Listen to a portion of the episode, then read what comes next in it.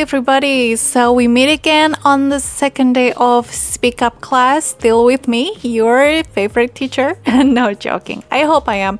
But um, today we are talking about sport. Okay, sport, olahraga ya. So I am personally not a very sporty person. I don't really play any sport, but I do keep myself fit. Okay, so I work out every day. I try to be active. I try to live an active lifestyle. Okay, I like to move anywhere, everywhere. I like to walk instead of um, riding motorbikes or driving a car, for example. And every night before going to bed, I will um, do some exercises like plank, sit up, push up, etc. What about you? I would like you to describe a sport that you would like to learn, okay? So, if you are not into sport, you can just tell us a sport that you would like to learn. For example, I want to learn how to do uh, self defense, okay, bela diri, or you want to learn tennis, you want to learn basketball, swimming, for example. So I want to I want you to tell me what sport it is that you want to learn and how you would learn it, okay? How difficult you think it would be to learn that kind of sport and explain why you would like to learn this sport. Okay, so I'm gonna read now the example of answer. There are many kinds of sports which people like learning these days, such as baseball, basketball, volleyball, and cricket.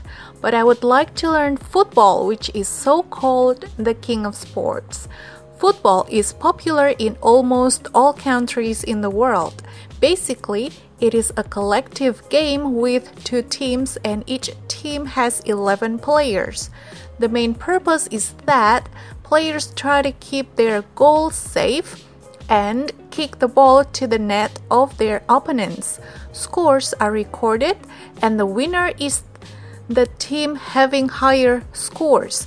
It is the most famous sport in my country, and all of my family members favor this sport, especially my father and my brother. Thus, I had a chance to approach this sport since I was 7 years old. I really love learning it because of the drama and surprise in each match. From my perspectives, it is really difficult to learn to play football well.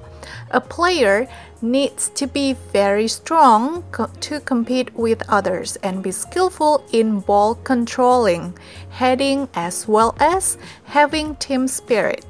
A good football team needs to have a solidarity as well as the ability to control the game. Therefore, normally there is a coach, okay, football coach for each team, and this person is not less famous than other players.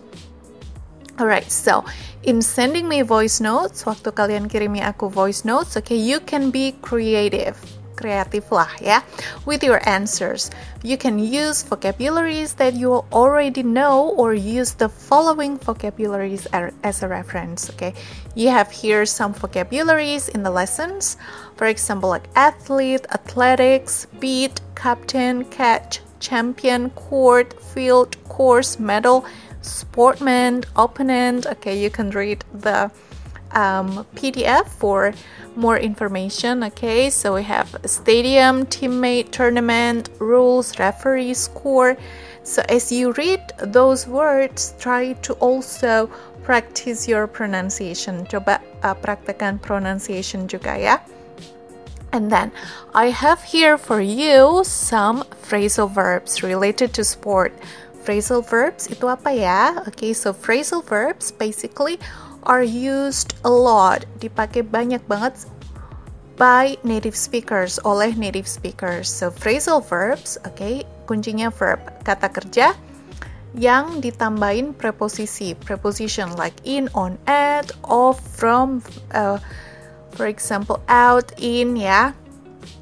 For example, here we have work out. Work kata kerja, out preposisi, tapi work uh, phrasal verbs if you add um, preposition after the verb, for example, work out, it can mean different from the verb. So the verb is work, artinya kerja, but phrasal verbs work out, it means exercise. So phrasal verbs are uh, verb plus preposition which results yang menghasilkan new meaning, uh, makna baru.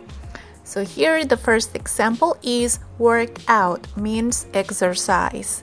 And then you can say time to go to the gym and you can say let's warm up, warm up pemanasan ya with a short run. And you can say try out, okay, try out. And then we have here passed out, pingsan, passed out. And then you can say knock out knock out KO yeah knock out mukul jatuh okay to hit somebody and make them lose consciousness jadi nggak sadar kalau knock out okay? So those are basically our lessons for today. You can read the PDF and listen to my voice as you read it.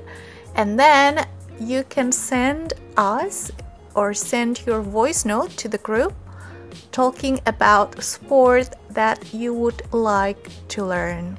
I hope it's clear and I'll see you in the class. Bye bye.